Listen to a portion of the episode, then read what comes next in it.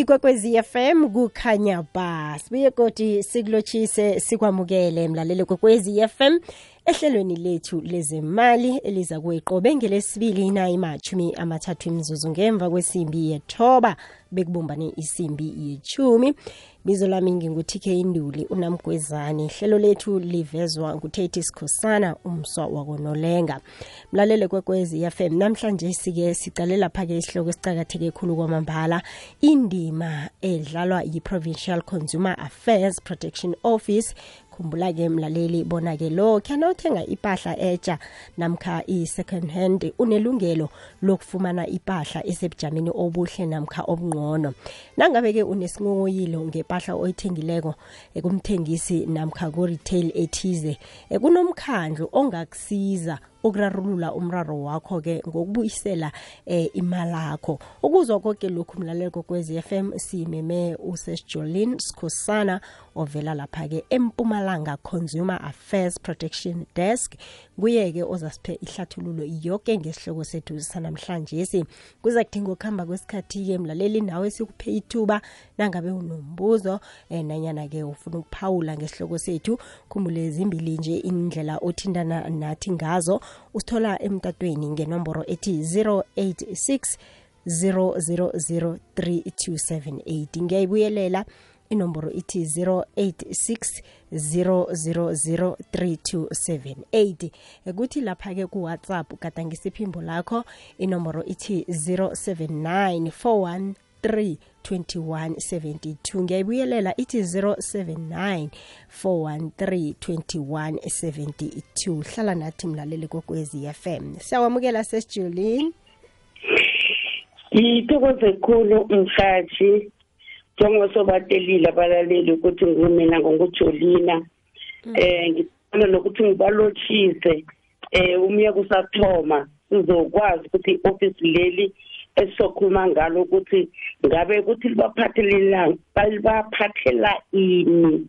Iye sesijolini sithokoza kakhulu kwamambala ngelwazi osiphathele lona namhlanje si ozolithulela umlaleli wekwekwezi FM akhe sithome-ke sesijuleni ngamalungelo wabathengi. Ngiwaphi amalungelo umthengi anawo? Eh yazi amalungelo sinamalungelo amaningi kangangani ingabe ukuthi thina siyakhona ukuthi siwazi and nokuthi siwa siwanakekele.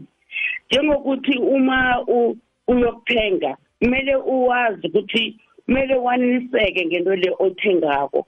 Ungatholakala ukuthi unesingongoyilo mara uyayithenga into ngokuthi kuthiwe ithenge enye into godi ngilo yokuthi eh kumele uthenge into noyithengako utholakala ukuthi ingabe yingozi kuyo into leyo and enye into uma uthenga eh ecompanyini ethize imininingwano yakho kumele kube ibe yifihlo yabo nawe. Ungatholakali seyikhulunywa noma or noma mhlawumbe umise kavela akhuluma ngayo.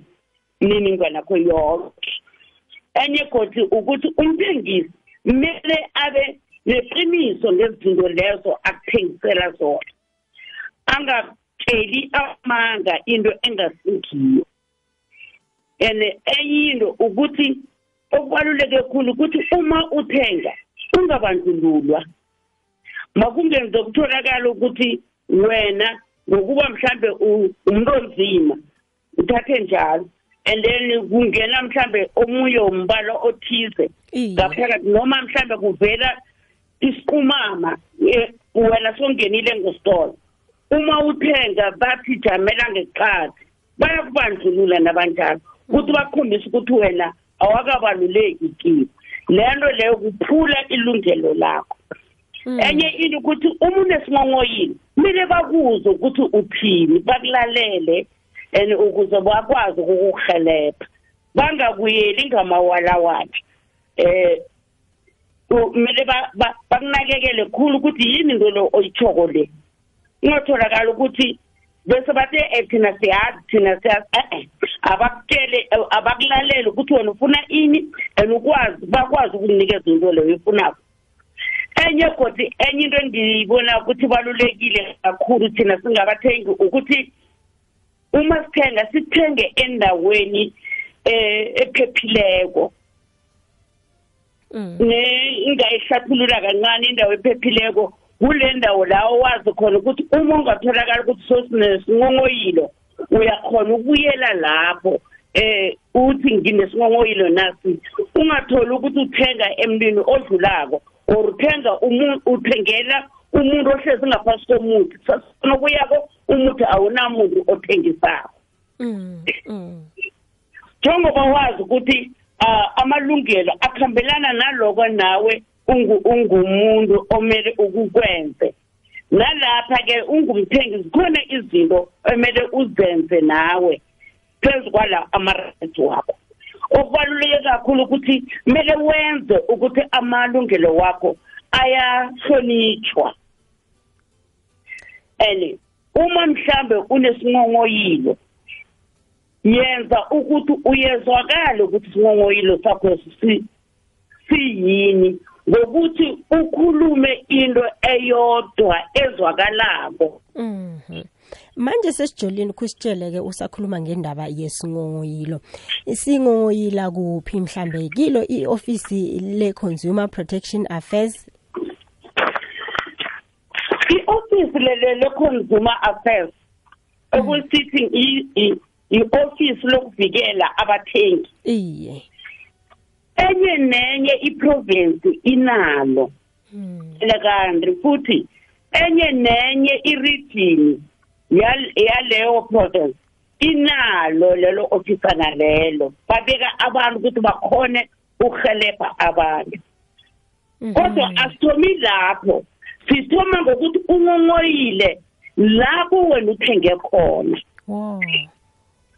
and uma sowunesingongoyile akusafunakala ukuthi uye emntwini lokuthengiseleko Mm. iya emntwini ophethe lo muntu okuthengiseleko ukuze ukhone ukuthola uhelebho Manje ke ngiyiphi indima edlalwa yi Provincial Consumer Protection Office? I- i- i-consumer i-consumer lana angithathe thenga la mina ngisempumalanga. Mm. idlala indima enye ekulukulu ngokuthi esikhathini esiningi abathengisi aba aba aba ababi ne- ne- ne- ne- neqiniso uma basithengisela izinto. Eh uthole bese siba nezingongoyini ngakho i-office lele lidlala indima leyo ukuthi uma mhlambe sowubuyele wena lapho esitolo lapho wabatshela ukuthi mina eh, eh, bengingafuni into enje ngifuna into enje. Nginesingongoyile esinje ukhuluma nabo bangakuzwa. And then uyakhona ukuza kithi thina sizokhona ukuthi siye sokhuluma nabo eh, kube nguwe nabo nathi. Then uma senza njalo senselela ukuthi uma ukuthi sithole ukuthi umthengisi akakhoni ukuthi angahelebha thina sinalo ilungelo lokuthi umthengisi ahelebhe nangahelebhiko siyakwazi ukuthi simjaji lento lokuthi siyakhona ukumusa ecourt noma siyakhona ukuthi i-office lakho uma sithola ukuthi linabantu abaningi abalila ngalo siyakhona ukulivala nalo lelo lingelo lelo. Mlalele kwekwezi FM kunobudisi ohlangabezana nabo njengomthengi. Mhlambe ke uthenge into ethize kodwa nakhe ngoyithole ngendlela leke ebekade bakukhangisela ngayo. Ngesithi kwesinye isikhathi zange bakuphathe kuhle njengomana ke usesijolini avezile bona ke akafuze bona ubandlululeke kwesinye nesinye isitolo othenga kiso njengomthengi. Khulumisane nathi ke ungathoma ugadangisa iphimbo lakho ku-079 413 2172 nangabe unombuzo eh kanti ke godu ungasebenzisa nomtato ku-086 000 3278 inomboro yethu yomtato leyo. Sesijolini ngiba ukhe siyokusela amanzi sizobuya sirakele phambili emini ekulu phakathi kweveke ubobo urhatsha ibumbano ngethando. Sinothe ngelwazi lezamahwebo imikhumbulo ipholiswe ngezikhethwe nguwe ikutha inkuthazo namagagu weveke. Sivala ihlelo ngokudla komkhumbulo nomoya. Udleni namhlanje sifitshile ukwekwezi fm kukhanya ba 2023 phila njengomuntu osemkhanyweni ngombana mkhanyo oletha ukuphila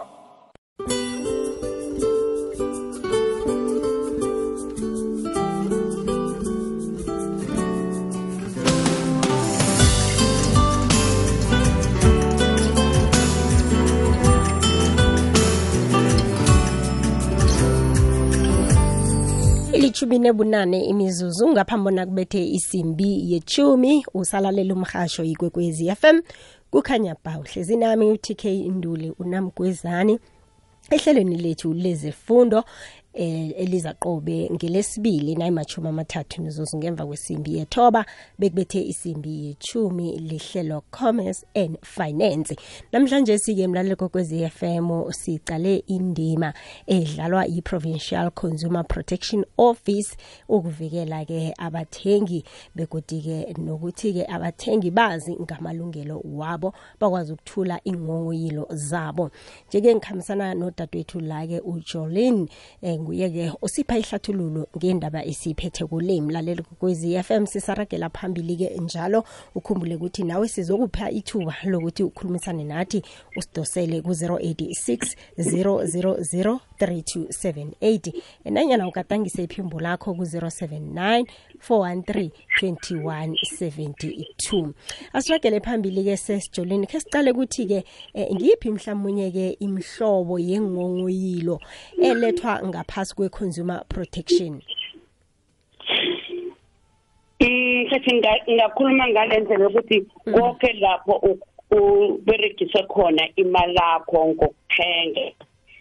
Siya isingongoyilo sakhona uyakhona ukusiletha kwa-consumer affairs. Eh into nje esiyifunako kuba nendlela leyo siyifunako ukuze sikwazi ukukuhelebha njengokuthi ungakhona ukungongoyila mhlambe ngokuthi eh usibhalele noma mhlambe uze kithi. Kodwa izinto ezibalulekileko okhulu esizifunako ukuthi uma mhlawumbe bongena nekontraga kuleyo company leyo ube nayo esandleni sakho nokuthi bese noma mhlambe ke yinto nje oyithengileko kwaphelela lapho bese uba uba nereceipt yaleyo nto leyo. Enye into ke sizofuna nemininingwane yakho iphelele njengokuthi mhlambe umazisi wakho sifune kodwa nokuthi eh yini isingongoyilo sakho. Usitshele wena ukuthi thina sikwenzele ini esingongoyileni sakho bese senza ngaleyo ndlela leyo wena ositshela ukuthi ufuna ukuthi sikwenzele ngakho.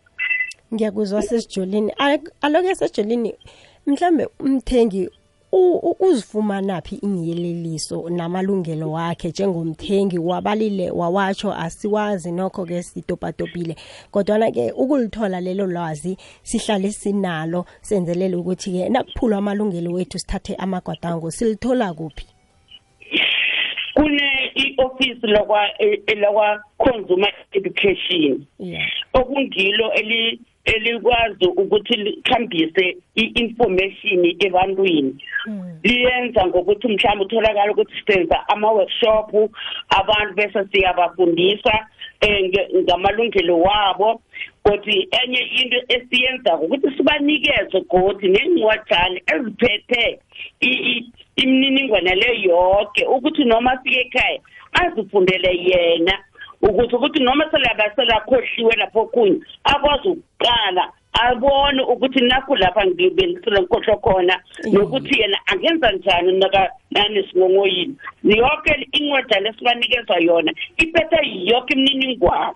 Into nje kutholakala ukuthi ngesinye isikhathi siyasicabanga ukuthi kukhona mhlawumbe njengama-act la umuntu ongeke akhone ukwa ukwazwisisa. Bese senza ama-workshop sikhone ukuwa ukwahlathulula ukuthi athi ukuthini igama elinje lithi ukuthini lenje lithini igama ukuze angarareki nakaba nezingongoyilo sakhe usakhuluma indaba yengongoyilo sesijolini umthengi kumele enzeni nangabe ufake isingongoyilo ngomthengisi othile? Isingongoyilo sakhe asitshejwa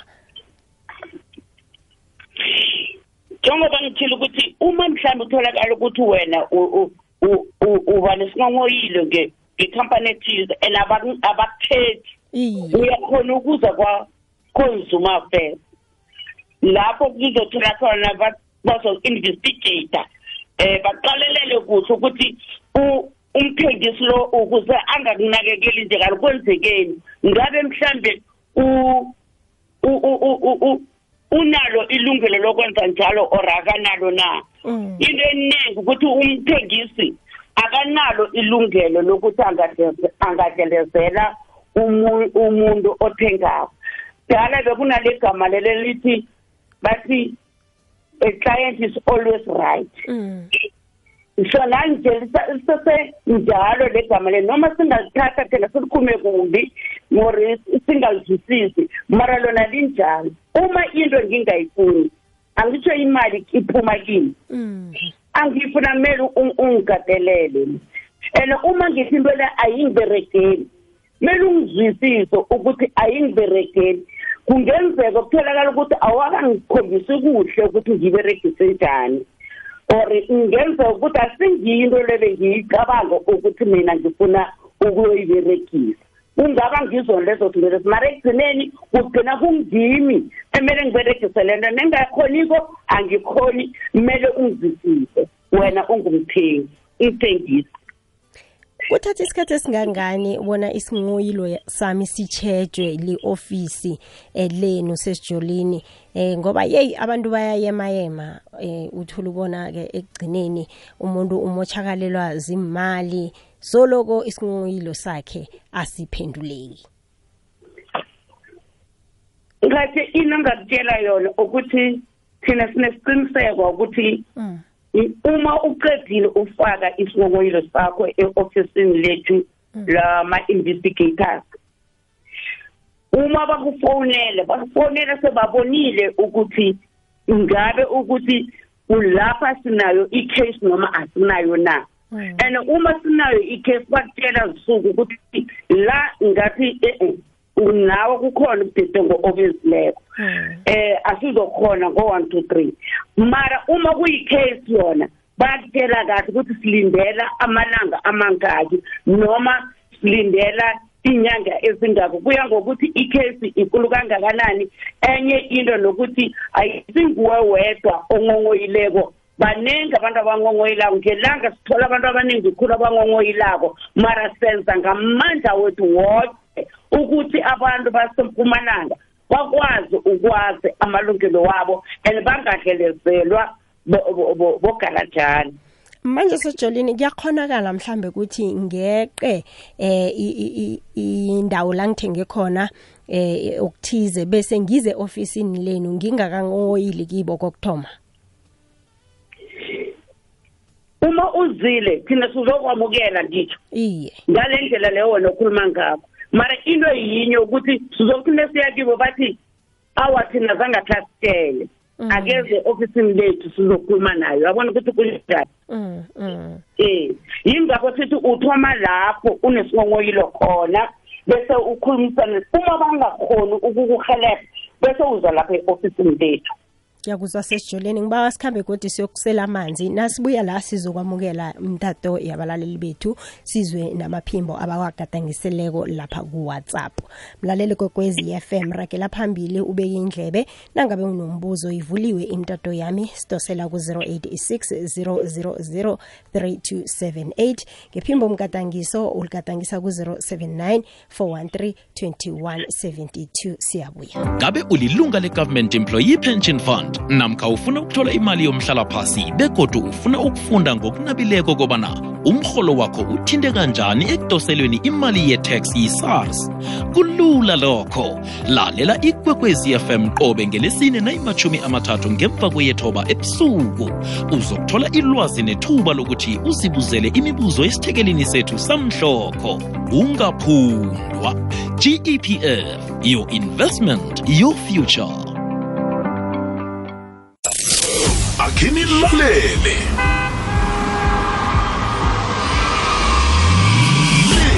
Triple ads amathunzi anabile afternoon drive show ukwekwezi fm kukhanya ba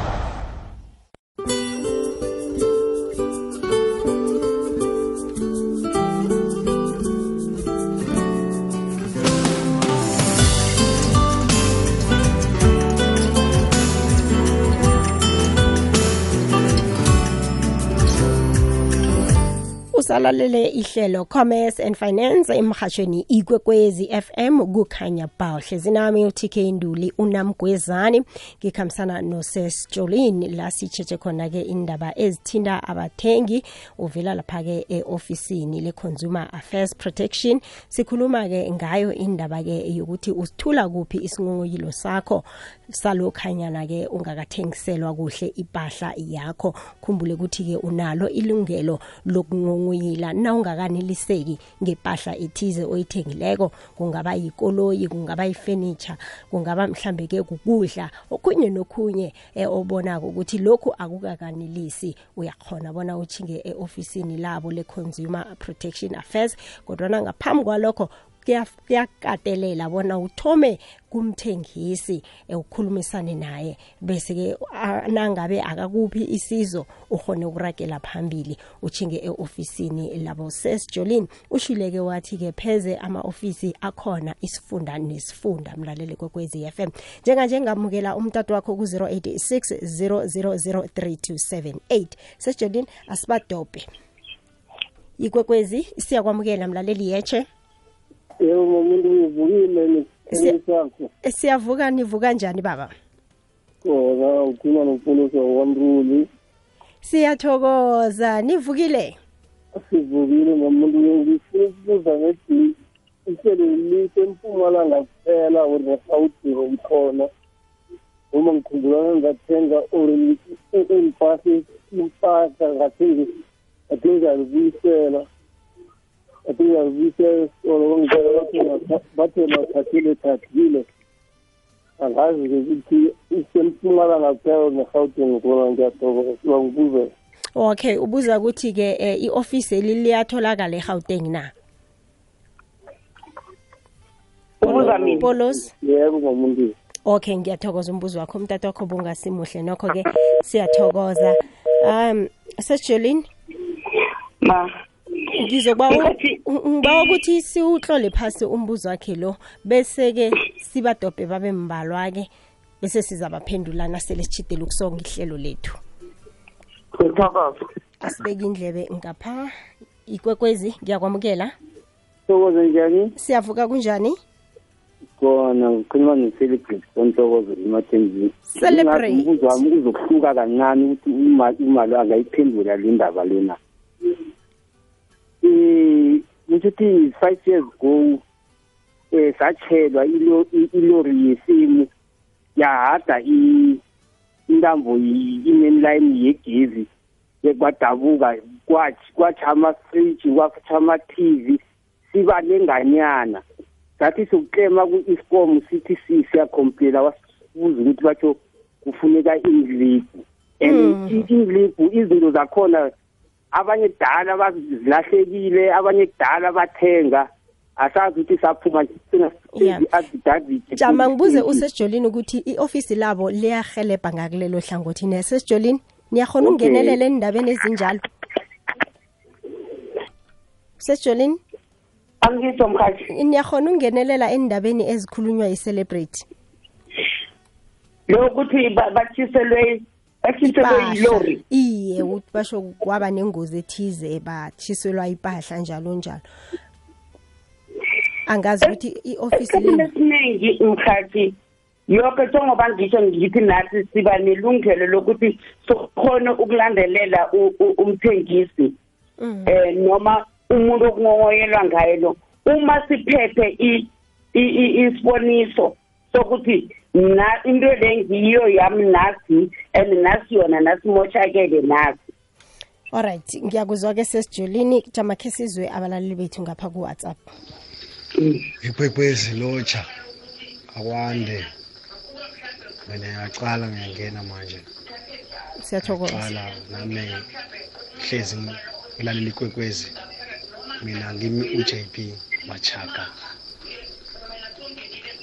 Ngiyabonga nibe nesuku elihle. Alright nokho JP uthi uyathoma ukungena emhathweni siyakwamukela JP uhlale ubeka indlebe njalo begodi-ke nangabe unombuzo usidosele. Khe sizwe nangugodi ekwekwezini sanibonani eminyakeni lomusha. Nginenkinga shemla. Ngithenge ifoni ngeyi-7 january. Kulesinye isitoro esithize esiphakeme so le foni nengiyithenga ngiyisebenzise for three days. After that ayisafuni ukuchaja ngayithatha ngayibisela kule storo. Ngathi ifoni ayifuni ukuchaja Bang- bayithatha bahamba bayoyichaja bathi hayi mama seyiyachaja ngathi enhle kule foni le angiyithandi. Igama layo inokia. Ngathi angiyithandi cause nengifikela ngifikela lapha endlini abantwana bathi hayi mama inokia uyayazi inenkinga iya iyafreezer like nokungena icall. Angangabathatheli enhloko. After that vele kwahamba amalanganyana kwangena icall yaba blank but yakhala yaba blank ngabaha ngabachazela ukuthi na- lale foni yenza njani? So lo sise ngimtholile just inemtag yakhe azange ngiyi-check. Wathi hayi ifoni mama la siyijikisi ifoni wayithatha uyithethe i-contractor isho njalo. Ngabe sesengiyadomeka ukubuza ukuthi eyami contract engihamba nayo endlini kuphi? So ngicela usizo ukuthi ngiyenze njani le foni angiyithandi vele angiyithandi. Ngoba mina ngizithandela isamsung alright. Ngiyabonga. Siyathokoza nathi siwuzwile umbuzo wakho sesijolini ngiyathemba ukuthi utlole phasi. Msinyazana godi asizwe nangomunye. Bona uthini? Sanibonani kakwekwezi FM ngiyabingelela kakwekwezi. Ngisacela ukubuza kusithekeli sami ukuthi kunjengokuthi njengey'tolo ezikude lezi ezikude nalapho khona utholakale kokuthi u-oda into kanje.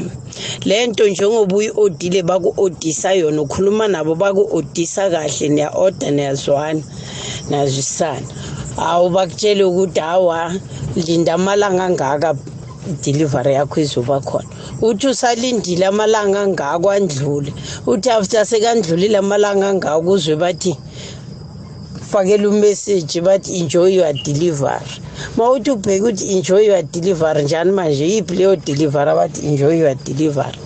Uthi usabhekile ukuthi enjoy your delivery. Bakufakela umessage uthi imali yakho ingaka esitatini ubhadala ngenyanga so kodwa leyo nto awayitholi uthi uma ubuyela kibo ubafonele ubatshe ukuthi hayibo le nto yeni mina ngingayitholi nenza njani? Manje seningifakela umessage nithi nithi nithi. Kanti kwenze kanjani bese abantu abanjalo benziwani? Kuthiwe amakorea kuthiwa into le idiliviwe idiliviwe kubani isayinelwe ngubani nini? Isikhathi bani? Abantu abanjalo wenzani ngabo? Wenzani ngabo? Uma benza kanje wenzani ngabo? Ucela ukuzwa net lapho kuleyo ndimanyana leyo.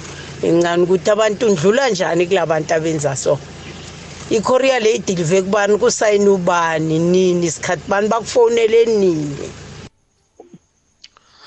Akwandre kwekwezi FM akwandre mhathi igama ngikuhloka igama ngiyathoma ungene kwekwezi bengibawa ukubuza kunesitolo ngaphange kwarha isitolo lesi sithengisa ifurniture. Isitolo lesi uyabhadala mhlawumbe ubhadale 8 months weqisa inyanga yinye ungabi nemali. Bakushiye ukuthi bayeza bazothatha ifurniture and then uzachubeka ngokuyibhadalela esitolo. Ngabe kumthetho lokho na? Mhm. sesijolini asilingeke ngemzuzwanyana esisele nayo le esiyebele umakhuthalelo ezimfaneleko sibuthelele imibuzo le bese siyayiphendula. Asiyithathe asithome asithome ngaleya yilori leya njengoba ngitshile ukuthi uma banayo imininingwane yalezo zinto lezo ezithileko bayakhona ukuyokungongoyila and then bakhone ukutholakala bathole kuleyo company yalelo lori leyo bese bakhone ukuthola i- isichaphezelo se- se- se- salezo zinto abamoshakalele zona. Uma mhlawumbe utholakala ukuthi aba- abakhoni bangakhona u- bangeza ekhon- ku-consumer mara ayisangeni ngaku-investigation. Le nto leyo izokhosa ukuthi iye ngasecourt siya kile yefoni le. Into yokuthoma um- umthengi uyithenge njani ifoni yena angayifuniko ngoba from the start njengoba ngitshilo ngithi ilungelo lakho ukuthi ungathengiswa into wena ongayifuniko ngokuba uma ivele i- uma into onga- ongazange kho ucabanga ukuthi uzoyithenga uzoyithenga. Uma seyithengiswa izoba nomraro ngokuba vele awuyithandi umuntu lento leyo. Mara into i- i-one ekutheni kufuzile laba bamafoni ukuthi bamlungisele ifoni leyo. And noma sasho kuthena sathi uma mhlawumbe ukuthi awusayifuni into leyo lapho kuba nemininingwana ethize abayitshoko baza kutshela ukuthi uma siyithole ifoni leyo othi awusayifuni iseseku-condition le sikunikeze ngayo siyakhona ukuyitshentsha sikunikeze leyo oyifunako or siyakhona ukuyithatha sikunikeze i- i- i- imali akho indaba yefoni ifoni i- i- yinto eberega ngegezi. Mm, mm. Ma- esikhathini esiningi ney'gezi ziyayi- ziyayilimaza. Nangale ndlela oyihendlishe ngayo ekuthomeni nayo iyalimala so kuba zizingwanyana ezinjalo. Ngamanye amagama sesijolini unalo ilungelo lokuthi eze ngakini azokubika umraro wakhe lo. Unalo ilungelo elipheleleko akhe sizwe yena lewe online shopping. ama-investigators azokuqalelela ukuthi kwenzekeni ko yonke into and then bese bakhona ukubona ukuthi bangamhlalepha njani Mhm. nanguwe online shopping ses Julia eh Jolene ke sizwe yena ukuthi ungamsiza uthini mkhathi ngathi khe ngayikhuluma indaba le yaka-online le ekutheni i-online imnandi ngokuba izinto zi- ziza uhlezi ngikhaya ungakaphuye utshiswe lilanga. Mara into yokuthoma le mibuzo yena abuza ayibuza ukuthi ifanele ngubani kwenzekeni yonke le nto le. Into yokuthoma naye kumele azibuze ukuthi ukhulume nobani ikhampani leyo ikuphi? Ukuze ukuthi uma silanesingongoyi lakhona ukuya kiyo leyo khampani leyo. Mara uma izinto zonke zisemoyeni kuba nalobukirikitshana lobo okunje yingakho siye sithi thina asi- asi- asivumi ukuthi umuntu anga- angathenga online. Ngokuba imali yakhe uma noma bangathi akayibuyisi bazokuthi abakayitholi bayitholile awubabona ngisho awubazi nokuthi bakuphi labo bantu labo. Yazwakala asivale ngalombuzo wokugcina lamlaleli abuze ukuthi ke eh kunesitolo eh, kwaha nawuthenge ipahla eh, bese wangeqisa nje inyanga eyodwa bayakuthusezela bakutshela ukuthi ipahla yakho bazoyithatha. Ngabe mhlambe ke na umthengi kufanele wenzeni sesijolini? Mkhathi-ke labo bona ba- baphule ilungelo lomthe- lomthengi. Khulu-ke labo ngokuba i- na nakudala lokhu besazi ukuthi into kumele mhlawumbe uhlale three months. Ngaphambili kokuthi i- i- isitolo singathathela iy'nyathelo ezithile. Uma weqise inyanga eyodwa mara asivuni asivune abathengi abathengi ukuthi nabo bamane ba- bangantokazi izinto ba- abazithengileko. Uyakhona ukubatshela ukuthi inyanga le angizokhona ukubhadala. Noma angizokhona ukubhadala imali epheleleko. Ngale ndlela lo ozobatshela ngayo ngaphambili kokuthi wena mhlambe uhlale ungababhadali vele thunya uma babona ukuthi wena wakababhadali bacabanga ukuthi soyababalekela and into ingakuwe ngiyacabanga ukuthi le sitolo lesi angathi asinathemba ebathengi ebathengini balo. Uma bazokuthi uma wethusa kayi-one bakhambe bokuthatha ifenishara bayibuyisele esitolo ukuthi sozayibhadalela lapha esitolo lapha. And yinto thina esingayaziko singaba kwakhonjuma asinawo umthetho onjalo eh, eh, esiwaziko. Uma nje yena angaletha ikontraka abahlangane ngayo ukuthi bahlangene bathini singakholwa kumhelebha sesijolini asibatsheli inomboro zomtato nitholakala kuphi njani? Um kunomunye othe inonzi ikhonzuma ikhona la egauteni na? Ikhona. Iye. and inamba inomboro yasegauteni ithi zero one one three five five eight zero zero six. Ngiyo yekhonzuma leyo yasegauteni thina lapha kithi lapha sinenomboro yase-head office eh eh eh, consumer act is 013 766 4908 noma uma unesex ungasexela ku 013 752 3729 eh lana ekangala ungafonela kule nomboro ethi 013 692 6300 and ngizokuthiya i abomalila ephoketheni kuwe mhathi ukuze ukuthi eh, amalanga alandelako bese uyabanikeza abalaleli. Iye sesijolini sithokoze khulu kwamambala so uzanginikela ngehohomejeni ngiyathokoza ngehlathululo yonke osiphe yona ube nobusuku obuhle. Ngithokoze khulu mhathi ngithokoze nakubalaleli kwangase nakusasa bangasilalela. Bayazi ukuthi ikwekwezi iyabanakekela ne-consumer affairs iya- iyafuna ukubahelebha ngezingongoyilo zabo kunjalo sesijolini siyathokoza ube nobusuku obuhle. Ahake mlaleli besikhulumisana naye ngudadewethu la-ke ujolene isikhosana besikhulumisana naye mayelana nokuvikeleka kwabathengi kanye ne-ofisi eh labathengi la bakhona ukuthula khona ingongoyilo zabo. Beka indlebe njenganje umindlo love ukhona uhlala nawe bekubethe isimbi yechumi nambili ehlelweni sizigedlile. Mina nawe ngelesine kilo ihlelo lezefundo commerce covi, eh, eh civic education. Ya ngilo zabe ngikhamba ngalo ke ngelesine. Ibizo lami ngingu TK Nduli unamgwezani ngikhambile